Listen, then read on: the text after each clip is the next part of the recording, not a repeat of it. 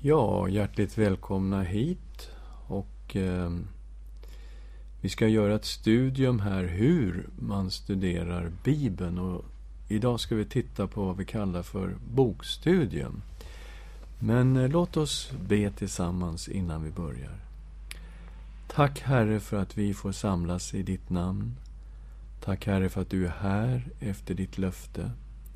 Vi ber gode Gud, fyll oss med din Ande Öppna våra ögon. Tala till oss från ditt ord. I Jesu Kristi namn. Amen. Ja, ni som har varit inne på min hemsida bibelstudium.org Ni har lagt märke till att hela hemsidan är uppbyggt på tre bibelstudiemetoder. Och det är ju bokstudium, det är temastudium och det är personstudium eller biografi. Och eh, jag kommer att gå igenom de här tre bibelstudiemetoderna men idag ska vi titta på eh, bokstudium och det här är ju de här bibelstudiemetoderna har hjälpt mig väldigt mycket i att tränga in djupare i, i Guds ord. Alla troende har ju en relation till Bibeln. Vi, många av oss känner till den här versen i psalm 119, vers 105. Ditt ord är mina fötters lykta och ett ljus på min stig. Och vad Jesus sa när han citerade femte Mosebok när han frestades av Satan så citerar han den här versen. Människan lever inte bara av bröd utan av varje ord som utgår från Guds mun. Och det innebär ju att Guds ord är mat för vår inre människa, mat för våra själar. Och som kristna så föder vi oss, vårt inre, med Guds levande ord. Människan ska inte bara leva av bröd, utan av varje ord som utgår ur Guds mun. Och eh, många kristna lyssnar ju till predikningar och man läser själv i Bibeln. Men det finns också många som aldrig har läst hela Bibeln eller ens hela Nya Testamentet. Och en del följer bibelläsningsplaner och det är jättebra. En del bibelläsningsplaner går ut på att man ska läsa Bibeln på ett år och då läser man olika avsnitt i Bibeln fram och tillbaka för att få en varierad kost, så att säga. Men totalt sett går man igenom Bibeln på ett år eller på tre år. Om man läser ett kapitel om dagen, då tar det ungefär tre år att läsa igenom Bibeln. Många kristna läser också Bibeln bara som en andaktsbok. Det vill säga för att få ett ord för dagen. Någonting man kan leva på just idag och så läser man och tänker, är det någon speciell vers eller någon tanke som talar till mig idag? Men om man bara läser Bibeln på det sättet, då kommer man ju aldrig åt det sammanhängande budskapet i en bibelbok. Eller ens ett tema eller någonting sånt. Utan det blir som ett manna, någonting som man rycker ur sitt sammanhang. Och så lever man på den tanken. Och det är inget fel i det, men man kan inte ta bort det sammanhängande studiet. Eh, anta att du en gång har skrivit ett bra, jättebra brev till en församling. Och så finns det människor som får tag i det här brevet som du har skrivit. Och, eh, men de läser aldrig brevet som en helhet, men de tycker det är ett väldigt bra brev. De läs, några läser några rader i, i, slutet av brevet och några fastnar för några rader i början av brevet. Och några fastnar för några rader mitt i brevet och de tycker det här är jättebra och de försöker förklara vad du menade när du skrev det här. Men eh, de har ingen aning om vad hela ditt brev handlar om. Och det är ett ganska märkligt sätt att läsa en bok eller ett brev, ett budskap på det sättet. Men det är ofta så faktiskt vi kristna gör. Anta att vi låter tio olika personer läsa Galaterbrevet som en andaktsbok och se vad det är som skulle kunna tala till dem eh, för den här dagen. Och sen låter vi dem alla tio tolka eh, boken precis som den kom till dem. Vad tror ni att vi får för resultat? Just det. Det blir tio olika tolkningar av Galaterbrevet. Men vad var egentligen Guds ord till galaterna? Var det verkligen de här tio olika tolkningarna? Det är en viktig fråga att ställa sig. Varje bok i Bibeln är ju Guds ord, men samtidigt är varje bok en enhet med ett sammanhängande budskap. Så Guds ord i Galaterna, det måste ju vara det budskap som Gud gav till aposteln Paulus för att skriva ner till galaterna. Hur kan vi gå tillväga för att identifiera det här ursprungliga budskapet?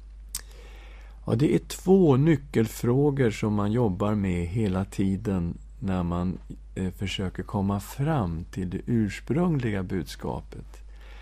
Den första nyckelfrågan är Vad menade författaren när han skrev boken?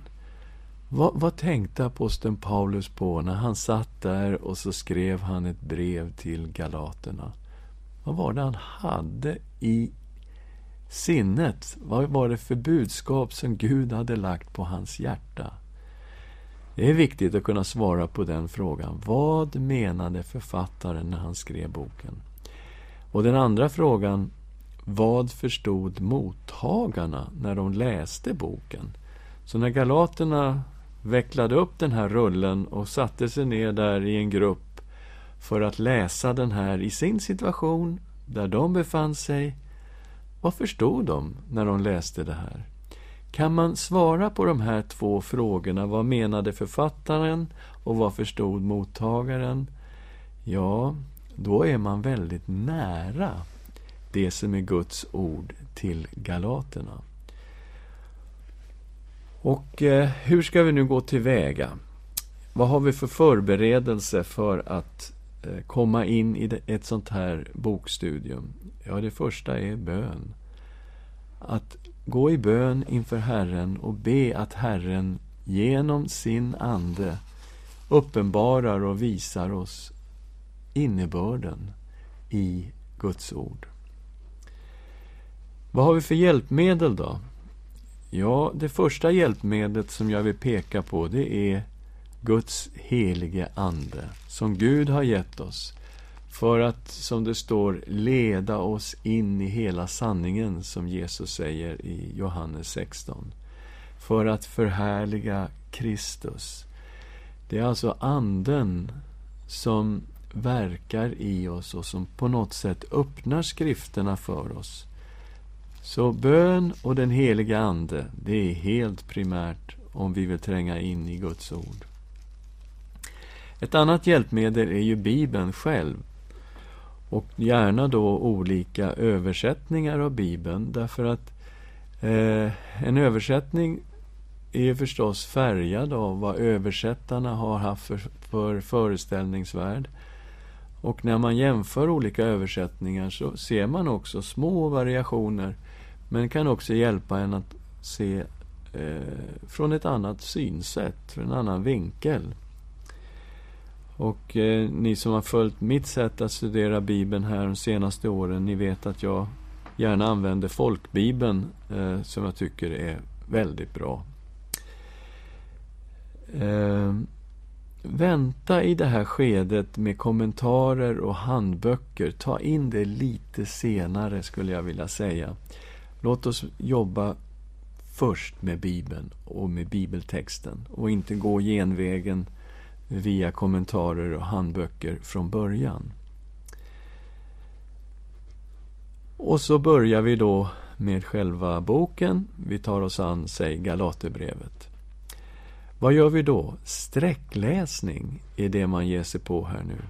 Istället för att hoppa fram och tillbaka och bara fokusera på inledningen eller bara fokusera på avslutningen eller hitta några rader eller några verser mitt i så försöker vi läsa hela boken ungefär som man läser en bok eller ett brev som man har fått. Man läser det från början till slut. Och eh, läs gärna minst tre gånger. Kanske mer om det behövs. Och medan du gör den här genomläsningen av Galaterbrevet försök att besvara några frågor. Till exempel, vilka ämnen eller problem behandlas i just den här boken? Vad, vad hittar du om Gud, om människan, om världen? Finns det något löfte härifrån Gud? Finns det någon bud han ger? Finns det förmaning? Finns det goda eller dåliga exempel?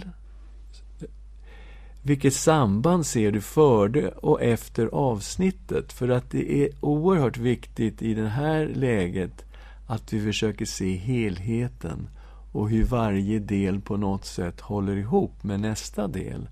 Och därför blir ju sambandet mellan det vi läser före och efter det avsnitt vi håller på med är mycket viktigt. Och vad handlar boken om i stora drag? Alltså kanske inte i detalj att du klarar av efter att ha läst igenom tre gånger, men i stora drag börjar man nu se vad boken handlar om. Och eh, nästa steg skulle jag säga Gör ett bakgrundsstudium. Försök att komma in i den situation eh, som rådde där i Galatien. Vad kan vi veta om det här området? Vad kan vi veta om den kultur som rådde då? Eh, det finns bitar i bakgrundsstudiet som gör att det ger mycket mer kött på benen och en djupare förståelse. Man kommer liksom in i det hela. Det är ungefär som man läser en jättebra roman. Eh, ofta så lyckas en, en skicklig författare sätta in läsaren i själva händelseförloppet. Man kanske har, har satt romanen till, varför inte 1500-talet eller någonting sånt. Och då gör man beskrivningar av hur livet var på den tiden och man känner som läsare att man kommer in i hela romanen och förstår tänket och allting får ett förklarligt sammanhang.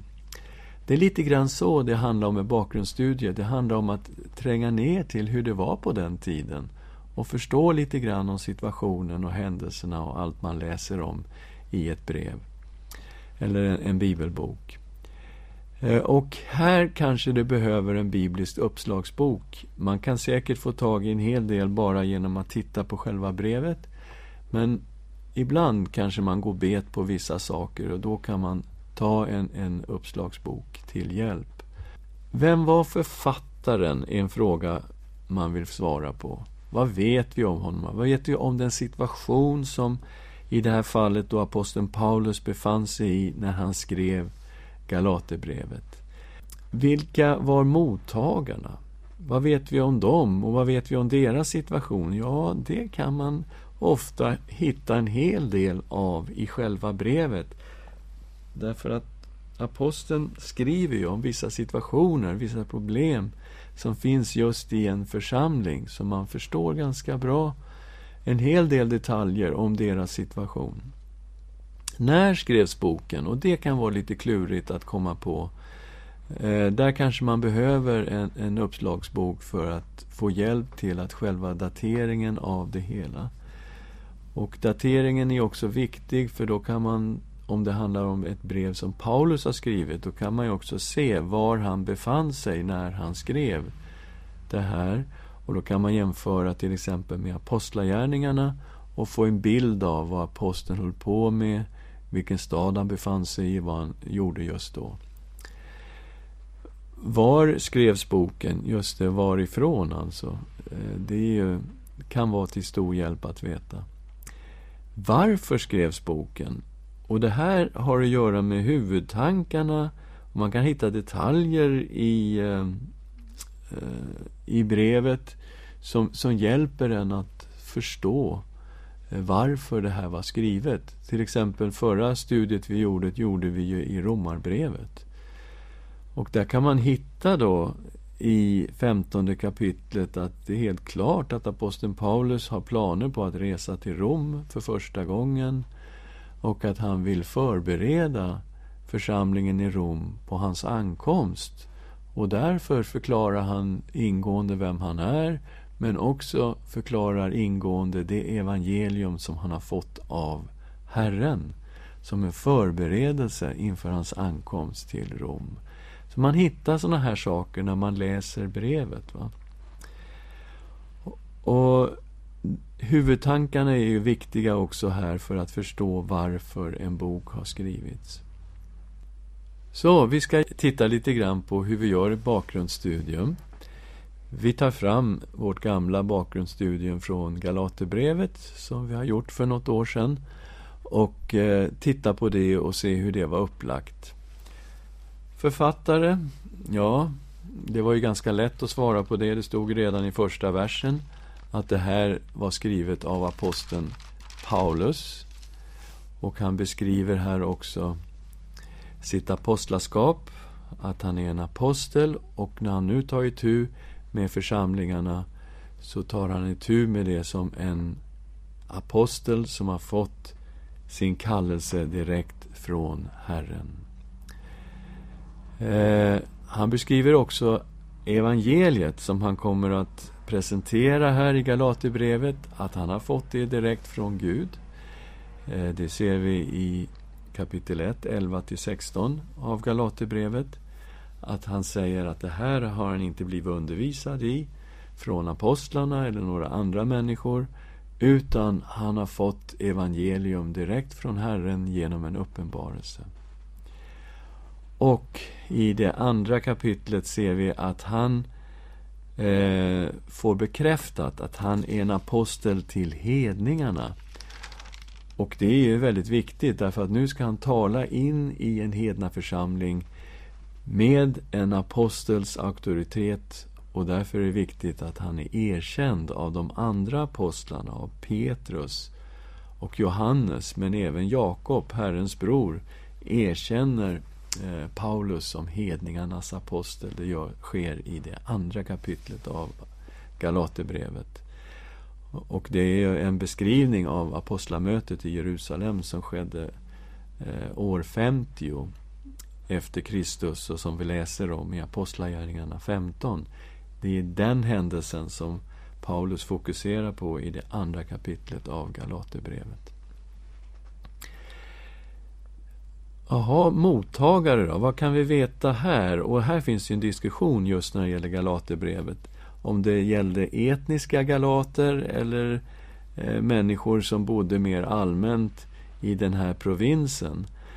Men eh, jag utgår från vad man kallar för nordhypotesen, att det i så fall är riktat mer till etniska galater som bodde då uppe i de mer centrala delarna av området, närmare Ankara egentligen i dagens Turkiet. Och eh, urkyrkan den stödde just den här nordhypotesen att det var till de här som Galaterbrevet var skrivet. Och vi kommer inte fördjupa oss här i den diskussionen, men jag bara säga att jag stöder den eh, nordhypotesen. Och, eh, och det utgår ifrån då att Paulus predikade evangeliet första gången under sin andra missionsresa. Och det kan man då titta i Apostlagärningarna kapitel 16, vers 6 och 7. Att Paulus var i det här området.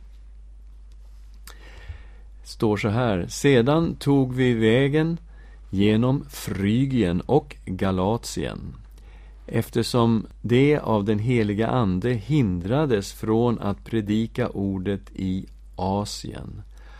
Och när de nådde Mysien försökte de bege sig till Betynien, men det tillät inte Jesu ande, så att de hindrades av den heliga Ande från att predika ordet i Asien och de hade planer på att bege sig ännu längre norrut faktiskt. Men det tillät inte Jesu ande, så de hade problem när de var uppe i det här området. Och man undrar, vad är det för problem de hade? Ja, när Paulus skriver om hur han första gången predikade evangelium där för galaterna, då är det helt klart att han var sjuk. Och det kan vara de här problemen som det står om i Apostlagärningarna, att de inte fick tillåtelse att resa vidare av Herrens ande. Han säger så här i kapitel 4 av Galaterbrevet, vers 13. Ni vet att det var på grund av kroppslig svaghet som jag första gången fick tillfälle att predika evangeliet för er. Fastän min svaga kropp kunde ha inneburit en frestelse för er, så föraktade ni mig inte eller avskydde mig, utan ni tog emot mig som en Guds ängel, ja, som Kristus Jesus.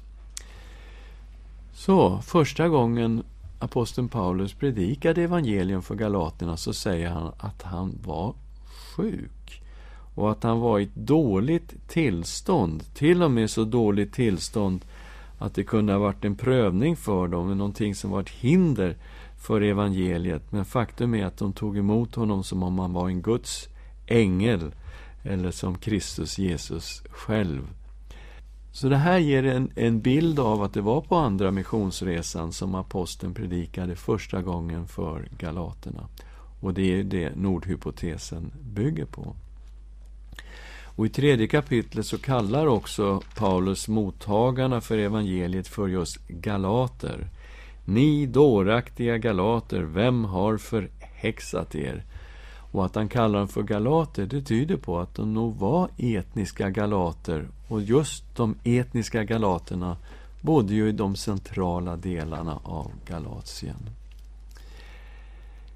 Tid och plats. Varifrån är det här skrivet och när är det skrivet? Ja, jag skulle då, det vi har skrivit i bakgrundsstudiet är år 54-55 ifrån Efesos.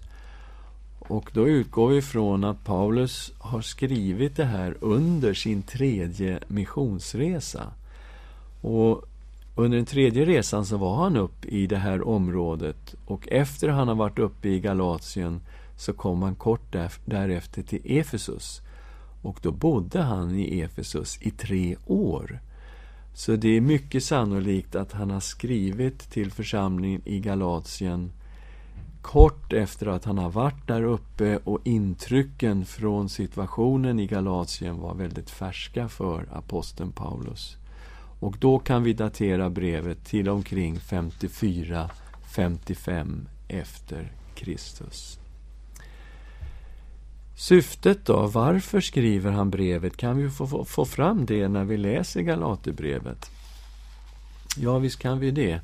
Det är för att på ett tydligt sätt korrigera villoläror i det falska evangeliet som gick ut på att ingen kunde bli rättfärdig inför Gud om man inte förutom tron på Kristus blev omskuren och höll hela Mose lag. Det var ju så att det fanns vad vi kallar för judaister, människor som var judar och som reste runt som predikanter i hedna församlingar.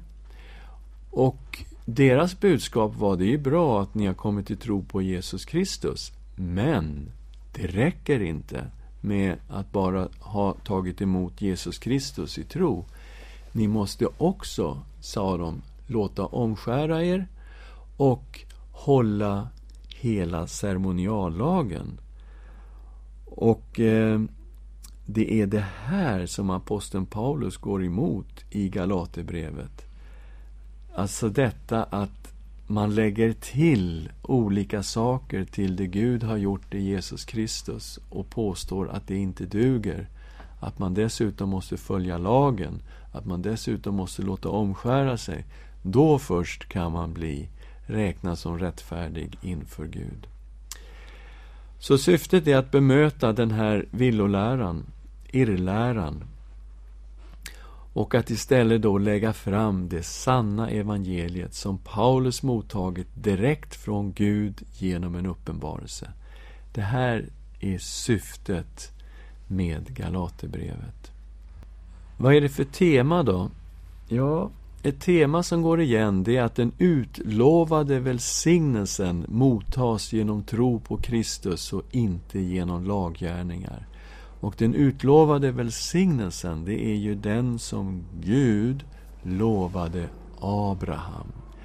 Att i dig ska alla släkter på jorden bli välsignade. I din avkomling ska alla släkter på jorden bli välsignade. Och eh, avkomlingen, säger aposteln Paulus i det tredje kapitlet, är Kristus. Så alla de som i tro tar emot Jesus Kristus blir Abrahams andliga barn och arvingar enligt de löften som Gud har gett till Abraham. Och i de, löftet om välsignelsen låg också löftet om den heliga Ande, förklarar aposteln också i det tredje kapitlet. Så temat blir att den utlovade välsignelsen mottas genom tro på Kristus och inte genom laggärningar. Nu ska vi försöka skapa en översikt av boken. Nu har vi gjort ett bakgrundsstudium.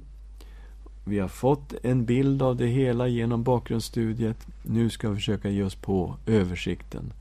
Och Det första vi gör är att dela in boken i huvudavdelningar och sätter en rubrik över varje huvudavdelning. Alltså här går vi inte ner i detaljerna utan vi försöker se, okej, okay, den här delen i första kapitlet, det handlar om det här. Det här i andra kapitlet, det handlar om det här. Och tredje, ja, det handlar om det här och det sträcker sig lite in i fjärde.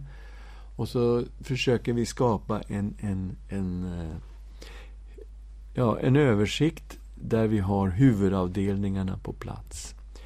När vi väl har huvudavdelningarna, då går vi in och sätter in underavdelningarna och försöker sätta en rubrik på varje underavdelning. Och eh, här är ju också viktigt att göra så här först, sätta huvudavdelningarna på plats. För att risken är annars att man går vilse i underavdelningarna. Man tycker att ja, men det handlar om det här och det handlar om det där. Och så helt plötsligt är man ute någonstans i periferin och har inte helheten klar för sig. Men genom huvudavdelningarna så har man ju helheten klar för sig. Och man förstår ju då att underavdelningarna kommer på något sätt att passa in i helheten. Och eh, den grova indelningen av Galaterbrevet som jag gjorde då, eh, den lyder ju så här. Först en inledning av brevet. Det är de första tio verserna. Kapitel 1, 1-10. Eh, den andra huvudavdelningen handlar om Paulus apostlaskap. 1.11 till 2.21. Och den tredje huvudavdelningen, välsignelsen, mottags genom tro och inte lag, 3.1 till 4.31. Och slutligen, friheten i Kristus, 5.1 till 6.17. Slutligen då en avslutning av brevet med en sluthälsning bara i den artonde versen av det sjätte kapitlet. Så ser huvudavdelningarna ut. Och så börjar vi då titta på underavdelningarna i Galaterbrevet. Hur passar det in i helheten? Först hade vi inledningen, 1.1 till 10. Och där har vi då först Paulus, en apostel direkt från Gud, 1.1. Sen kommer hälsningar 1, 2 till 5. Och så kommer problemet. Galaterna avföll från evangeliet 1, 6 till 10. Så redan här i inledningen så identifierar aposteln det problem som han sen kommer att tackla genom hela Galaterbrevet faktiskt. Vi kommer till andra delen som vi kallade för Paulus apostlaskap. Har vi först Paulus fick evangeliet direkt från Herren, 1.11-24, alltså inte undervisad av någon människa, säger han. Han är väldigt tydlig på den här punkten. Men också att han är kallad till apostel, till och med innan han föddes var, var tanken att han skulle bli en apostel, säger han. Han säger också att eh, han har fått evangeliet direkt från Herren genom en uppenbarelse. Sen har vi detta med att Paulus erkändes som hedningarnas apostel 2.1-10 och här är ju hans referat, kan man säga, där han lyfter fram viktiga delar från apostlamötet i Jerusalem år 50. Det som vi hittar i Apostlagärningarna 15. Och att i det här sammanhanget så erkänns aposteln Paulus som hedningarnas apostel. Och sen har vi att Paulus tillrättavisar Petrus 2, 11-14. Och där visar han auktoriteten som han har som hedningarnas apostel tillrättavisar Petrus som då är aposteln för de omskurna. Eh, och eh, hur han har auktoritet att gå upp emot självaste Petrus. När det handlar om det sanna evangeliet som gäller också hedningarna. Och sen Paulus la fram det sanna evangeliet 2, 15-21. Här har vi en, en jättefin sammanfattning av det sanna evangeliet. Att det är en rättfärdighet från Gud som vi tar emot genom tro på Jesus Kristus och inte genom laggärningar. Sen kom vi till nästa avdelning, den tredje. Att välsignelsen mottas genom tro och inte lag. Och det är den då som är från 3.1 till 4.31. Och här tar han först upp att anden tas emot genom tro och inte lag. 3.1 till 5. Nästa steg, rättfärdighet mottas genom tro, inte lag. 3.6 till 14. Och sen att, att vi är arvingar till löftet genom tro, inte lag. Från 3.15 till 4.7. Och sen beskriver han Galaternas liv under lagen 4.8 till 20 hur det har blivit väldigt ömkligt och tragiskt och tråkigt och han till och med förtvivlar. Han undrar om han har jobbat förgäves när han har arbetat med galaterna. Han beskriver sig som en, en, en kvinna som återigen måste föda fram ett barn, att han har fött fram ett foster som har dött och kanske att han själv måste gå in i födslovåndor igen för att föda fram församlingen till nytt liv. Han beskriver alltså galaternas liv under lagen. Och slutligen kommer en jämförelse mellan de två förbunden. 4.21-31. Det gamla förbundet och det nya förbundet. Och man ska inte blanda ihop de här två. Sen kommer vi till den fjärde delen av brevet som vi har kallat för friheten i Kristus. Från 5.1 till 6.17. Där har vi först att Kristus har frigjort oss. 5.1 till 6. Vi är fria från lagen, vi är fria från slaveriet under lagen. Och sen kommer en väldigt starkt förmanande del där han går emot själva irrlärarna. Att de som vill förslava blir straffade. 5, 7 till 12 och där använder han ett väldigt starkt språk, aposteln. Man blir förvånad och studsar lite vad han säger om irrlärarna.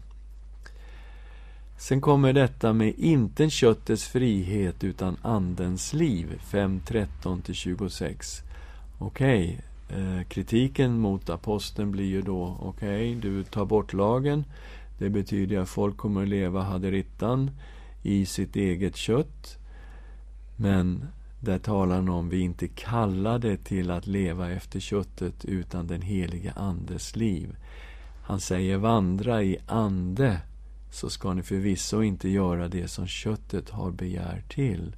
Och det handlar om ett liv i nära gemenskap med Kristus där den helige Ande och den helige Andes frukt blir synligt i våra liv. Det är också i det här avsnittet som de berömda verserna finns om köttets gärningar och om Andens frukt.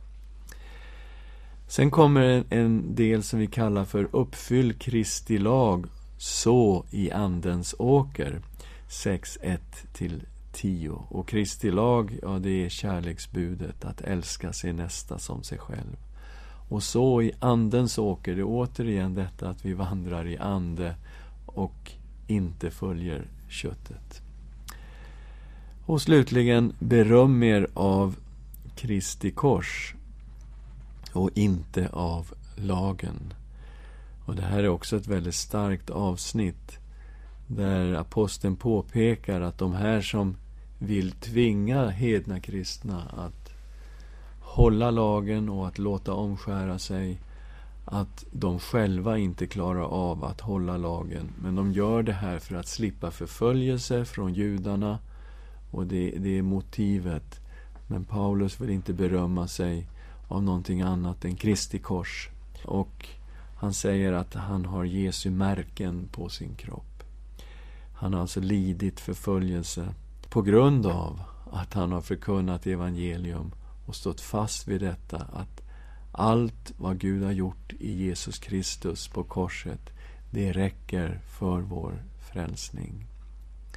Så det är den sista delen där, beröm er av Kristi kors och inte av lagen. Och så kommer en avslutande hälsning som är lik den hälsning som aposteln har i alla sina brev. Eh, vår Herre Jesu Kristi nåd vare med er ande. Bröder, amen. Så är den sista versen. Och nu när vi då har huvudavdelningarna, vi har underavdelningarna på plats. Nu ger vi oss på tolkningen. Och då jobbar vi med varje huvudavdelning för sig. Och så tolkar vi då underavdelningarna i ljuset av översikten. Vi håller koll på helheten, vi håller koll på sambandet när vi går in och tolkar i de enskilda verserna. Och så frågar vi oss efter vi har gjort en huvudavdelning, har vi besvarat de här två nyckelfrågorna nu då? Vad menade författaren när han skrev boken? Vad förstod mottagarna när de läste boken?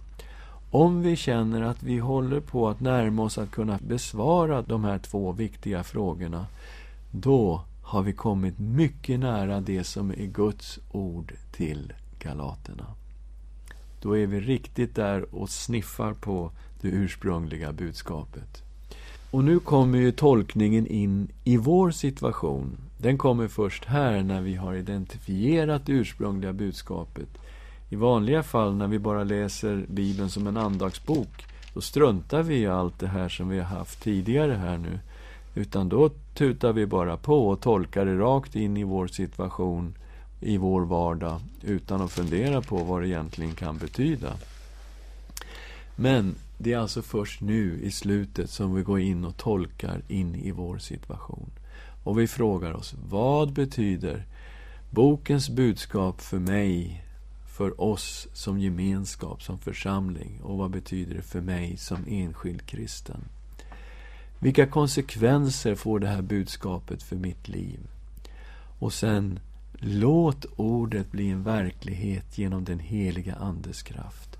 Ta emot Guds ord i ditt hjärta, lev i det och be att Gud genom sin Ande får forma så att vi lever i enlighet med Guds ord. Låt oss be tillsammans. Tack Herre för ditt ord. Hjälp oss Herre att komma in i ordet, ta emot ordet och leva i ordet. Öppna våra ögon genom din Ande och led oss i Jesu Kristi namn. Amen.